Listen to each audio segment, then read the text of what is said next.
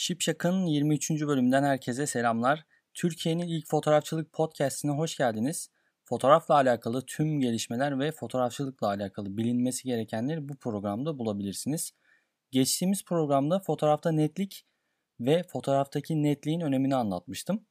Bu programda da akıllarda soru işareti bırakan bir diğer konu olan aynalı ve aynasız fotoğraf makinelerinin arasındaki farklar ve birbirlerinden bir üstünlükleri olup olmadığını değinmek istiyorum. Öncelikle aynalı fotoğraf makinesi nedir? Bunu öğrenmeliyiz ki aynalı fotoğraf makinesinin çalışma prensibine aşina olalım. E, aynalı makine sistemi profesyonel tek lensli refleks dediğimiz yani DSLR Digital Single Lens Reflex makinalarda lensimizin de yardımıyla sensöre düşen görüntüyü görüntü oluşmadan önce ayna yardımıyla vizörden görebildiğimiz makine çeşididir. Görüntü yön değiştirir genellikle ve bu durumda da tek ayna yeterli olmayacağı için prizmaya ihtiyaç duyulur. Buna da pentaprizma yani pentamirror diyoruz. Tüm bu mekanizma DSLR makinenin gövdesinde yer aldığı için cüssesi ve boyutu artıyor maalesef. E, bazen bilirsiniz DSLR makine kullanıyorsanız ve birkaç tane de lensiniz varsa o makine çalıştığınız süre boyunca o kadar çok ağırlaşır ki elinizde oldukça da yorar belli bir zamandan sonra. Şimdi e, bu aynalı fotoğraf makinesinin ufak bir çalışma prensibi yani temel olarak.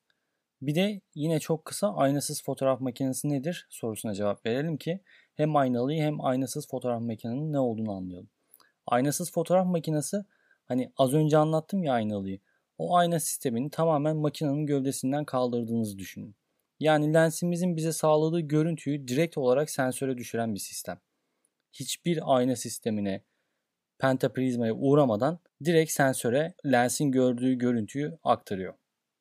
Buradan gelen bilgiler de elektronik olarak vizöre ya da LCD'ye iletiliyor. Yani burada anlamamız gereken tüm ayna sisteminin kaldırılıp elektronikleştirilmesidir. Yani aynalının tersine optik vizör değil elektronik vizör kullanırsınız. Doğallığında da böyle bir ayna sistemini makineden kaldırdığınızda makinenin boyutu ve cüssesi daha da ufalır. Ben minik olarak optik ve elektronik vizörden bahsetmek istiyorum. Çünkü aslında aynalı mı aynasız mı diye karar verirken vizörün fotoğraf makinesindeki önemini de bilmeniz gerekir. Bilmemiz gerekir daha doğrusu. Yani o yüzden her iki tip vizörün avantajları ve dezavantajları olduğundan ikisinin de nasıl kullanılması gerektiğini öğrenmeliyiz diye düşünüyorum. O zaman öncelikle optik vizörün ne olduğunu anlamaya çalışalım. E, optik vizörde objektifin içinden geçen görüntü önce aynaya geliyor. Aynadan yansıyan görüntü prizmada 3 defa yansıtıldıktan sonra vizöre yani gözümüze yansıyor. Buradaki avantajlar hiç zaman gecikmesi olmaması ve netliğin ve çözünürlüğün mükemmel olmasıdır. Enerji kullanmadığı için pil ömründen tasarruf sağlar ve düşük ışıklı ortamlarda kullanımının daha kolay olduğu kabul edilir ki bence de öyle. Olumsuz tarafı optik vizörler genellikle çerçevenin tamamını göstermiyorlar. Ancak zaman içerisinde kameraların gelişmesiyle birlikte, işte teknolojinin gelişmesiyle birlikte gösterilen alan daha da büyüdü. Optik vizörler kamera gövdesi içinde yer kaplıyorlar bu durumda. DSLR gövdelerinin aynasız gövdelerden daha büyük olmasının sebeplerinden biri bu demiştik. Yani ayna sisteminin çok fazla yer kaplamasından kaynaklı gövdenin büyümesi ve ağırlaşması anlamına geliyor. Optik vizör kısaca bu. Elektronik vizör ne peki? Elektronik vizör toplam sahnenin %90 veya %95'ini görüntüleyen optik vizörün aksine görüntünün %100'ünü yakalıyor. Ayrıca deklanşöre basmadan önce fotoğrafın son halini görmemize izin veriyor. Elektronik vizör alan derinliği, beyaz dengesi, kontrast, doygunluk, dinamik aralık ve daha fazlasını gösteren bir sistem. Temel olarak ne görüyorsanız onu alıyorsunuz görünümü diyebiliriz. Ayrıca manuel odaklama yaparsanız veya video çekiyorsanız DSLR'lar gibi yalnızca canlı görüntü modunda değil, vizörde netleme yapmanın avantajlarından da yararlanabilirsiniz. Elektronik vizördekiler her zaman canlı görüntülerdir. Tüm bu pozitif özelliklere ama yani baktığınızda bu özellikler tamamen pozitif gibi gözüküyor ama bazı olumsuz tarafları da var. Görüntü yenileme hızı ışık hızında çalışan optik vizörler kadar hızlı değildir. Bu özellik elektronik vizörlerin çıktığından bu yana çok daha iyi bir hale geldi ama hala bir optik vizörünki gibi değil bence. Elektronik vizörün en önemli olumsuz tarafı kameranın pilini hızlı tüketmesidir. Çünkü bir şey elektronikleşiyorsa o pilin ömründen yiyor demektir kısaca. Ve bu durumda aslında en çok merak edilenlerden bir tanesi de peki hangisi daha iyi? Yani elektronik vizöre sahip olan aynasız makine mi kullanmalıyım yoksa optik vizöre sahip olan aynalı bir makine mi kullanmalıyım? Her iki vizör tipini birden fazla kamera gövdesinde kullandım. Kullanmaya da devam ediyorum aslında. Ben çok net bir ayrım yapamıyorum. Fotoğrafımın nasıl olacağına dair daha iyi bir sunum sağladığından elektronik vizörü kullanmak hoşuma gidiyor. Seri çekim modunda aksiyon çekerken vizörün kararıp tekrar aydınlanması ve bunu geç yapması bazen can sıkabiliyor. Bir de aşırı pil tüketimi var tabi. Yani dışarı çıkıp bir gün boyunca piliniz bitmeden çalı, çekim yapamıyorsunuz, çalışamıyorsunuz. E, DSLR kullanıyorsanız gözleriniz optik vizördeki süper keskin görüntüye alışıksa elektronik vizör başlarda canınızı sıkabilir ama kameraya birkaç gün kullandığınızda gözleriniz çok hızlı alışıyor bence. Burada e, şu daha iyi gibi bir cevap bulamıyorum aslında. Hepsi kişisel tercihlerle ilgili. Kamera üreticileri hızla aynasız dünyayı keşfederken fotoğrafçılar da artan oranda onları tercih etmeye başladı bence. Ancak optik vizörlü DSLR'lar bence uzun bir süre daha hayatımızda olmaya devam edecek. Asıl konumuza gelecek olursak aslında vizörler bize hangi tip makineyi seçmemiz konusunda yardımcı olacaktır. Ben optik vizör kullanmaya o kadar çok alıştım ki elektronik vizör kullandığımda o hızı, o aksiyonu alamıyorum gibi hissediyorum. Belki de sadece alışkanlıkla alakalı dediğim gibi az önce. Tabi elektronik vizörün avantajlarından bahsettim. Tercih meselesidir diye düşünüyorum. Herkesin kullanma alışkanlığını bir şekilde bence teknolojiye de uydurması gerekiyor. Siz elektronik vizör kullanmaya geçecekseniz eminim ki belli bir süre sonra onun hızına, onun işleyişine alışacaksınız ve ben elektronik vizörün optik vizörden daha iyi olduğunu ya da optik vizörün elektronikten daha iyi olduğunu söyleyemem bu durumda. Ee, bir de değinmeden edemeyeceğim bir mevzu daha var. DSLR ve aynasızı birbirinden ayıran bence en önemli kriterler diye belirlediğim kriterler var. Bunlardan bir tanesi yani aslında size yardımcı olmak amacıyla bunları belirledim. Ağırlık ve büyüklük konusu. Fotoğraf çekerken en önemli hususlardan birini ekipmanını koruma ve taşıma kısmı oluşturuyor. Seyahat ettiğinizde uzun süren çekimlerde makinenizin hafif olması avantajlı bir durum tabii ki. E, bu durumun içine bir de lensleri de katarsak zaten ağır bir makine kullandığınızda, gövdesi ağır bir makine kullandığınızda lenslerle beraber onu taşımak oldukça belli bir zaman sonra yoruyor. Aynasız ve DSLR'ların lensleri aynı ağırlıkta fakat gövde farkından dolayı bence bu kategoride kazananı aynasız makine olarak ilan edebiliriz. İkinci belirlediğim kriterlerden bir tanesi de lens skalası yani lens çeşitliliği. Canon, Nikon, Zeiss hatta Sigma, Tamron gibi makinaların DSLR dünyası için çok geniş yani oldukça geniş lens seçenekleri DSLR makinelerin tercih edilme nedenlerinden biridir bence. Çünkü e, Canon'un atıyorum 24-70-2.8 lensinin muadilini Sigma'da veya da Tamron'da Canon'un sattığı fiyatın daha yarısına hatta yarı fiyatına bulabiliyorsunuz. Bir de iyi de lens üretiyorlar. Yani ben %100 Canon gibi performans verdiğini söyleyemem ama %90'lara %80'lerden çok yukarısına çok iyi kaliteler alabiliyorsunuz bu üretilen lenslerden. Aynasızların ise henüz gelişmekte olan lens teknolojileri ve yelpazesi bu tercihi yakın bir gelecekte sorgulatabiliyor bize. Fakat işte tüm dünya markalarının, tüm firmaların aynasız üretime geçmesinden kaynaklı aynasız makineler içinde lensler üretiyorlar. Şu anda tabii ki de bunların hem dolar bazlı fiyatları çok yüksek hem de 24-70 aynasız bir makinenin lensini aynalı bir makinenin lensiyle kıyasladığınızda arada baya bir fiyat farkı da oluyor.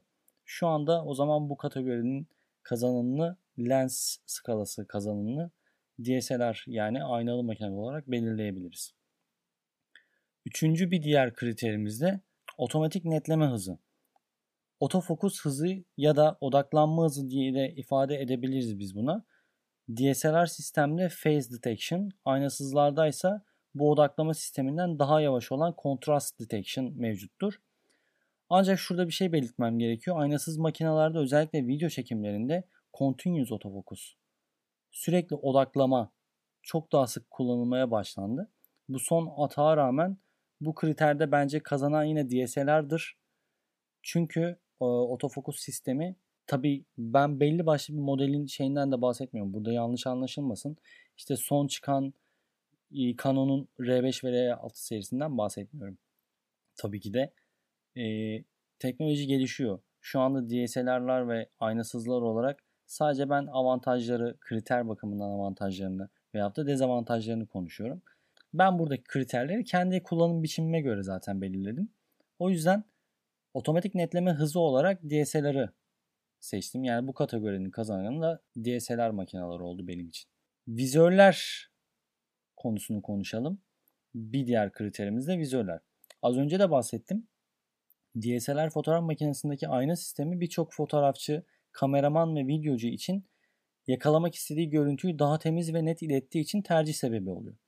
Diğer taraftan da aynasızlardaki elektronik vizör sürekli canlı ön izleme deniyor buna.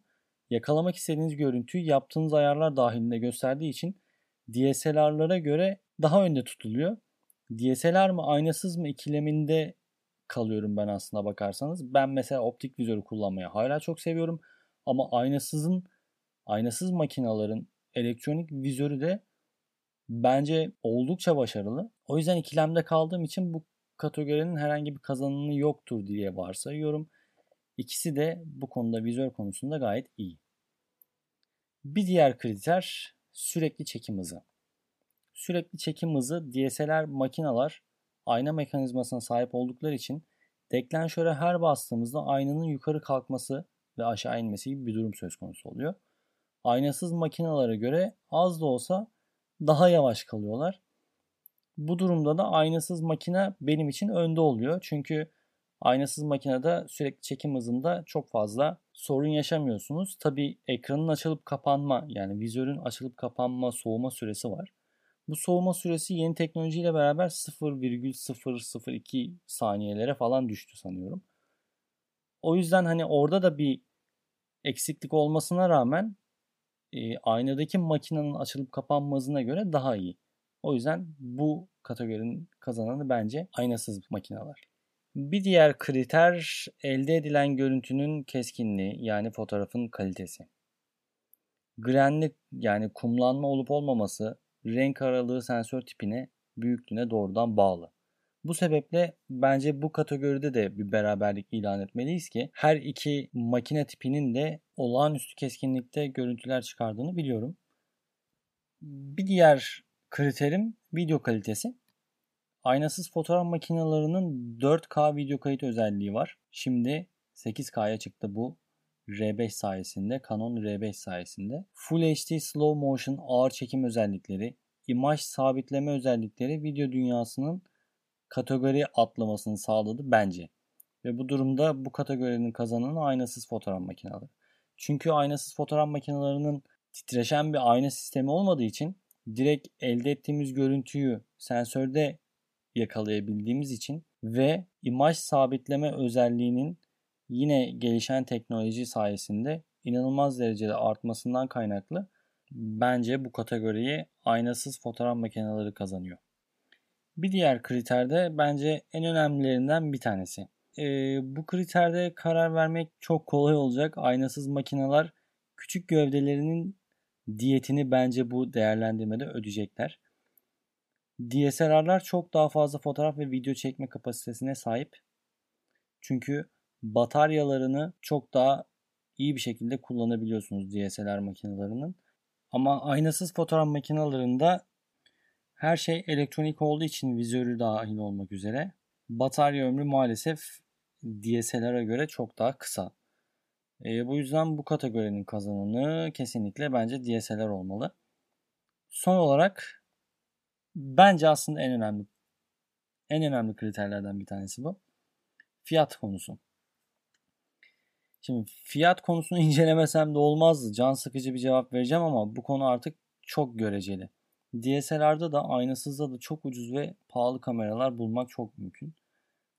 Ancak fiyat performans hususunu soracak olursak kendimize. Aynasız fotoğraf makineleri DSLR fotoğraf makinelerine göre daha insaflı.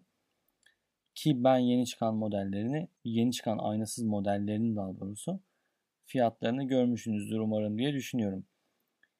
E, gel gör ki bu durumda aynasızda çığır açan Canon R5 ve R6 modellerinden bahsedecektim. Şu an fiyat konusunda çoğu aynalı gövdeye sahip makinelere göre oldukça pahalı ve RF lensler de tabii ülkenin dolarla olan imtihanı göz önünde bulundurulduğunda oldukça cep yakıyor diyebilirim. E, ben genelde tutucu bir insan değilimdir ama tabii kompakt makinaları, SLR makinaları görmüş ve kullanmış biri olarak teknolojinin devamlı ilerlemesini aptal bir şekilde izliyorum açıkçası. DSLR geçişte bile bir inisiyatif kullanmak zorunda kaldığım dönemleri ve DSLR kralmış abi dediğim dönemleri hatırlıyorum. Ve şu anda da aynasızlar önümüzdeki dönemde çok fazla yenilikle ve farklı özelliklerle ön plana çıkacak gibi gözüküyor. Ki şunu da söylemezsem olmaz DSLR de çok uzun süreler yeniliklerle devam edecektir buna eminim. İşte hep bir yerlerde filmli makine neden bitti gibi bir iç sesle karşılamıyor değilim aslında. Umarım aynalı ve aynasız fotoğraf makinesi tercih ederken nelere dikkat etmeniz gerektiğini az da olsa anlatabilmişimdir. Tekrar söylüyorum hala DSLR'ciyim. E, o zaman artık bu kadar diyelim bu haftalık. Fotoğrafınız net, ışığınız bol olsun. Son olarak beni UG Sengul Sipsakpot linkinden Instagram'da takip edebilirsiniz. Soru, görüş ve önerileriniz için de sipsakpot.gmail.com adresine mail atabilirsiniz. Bay bay.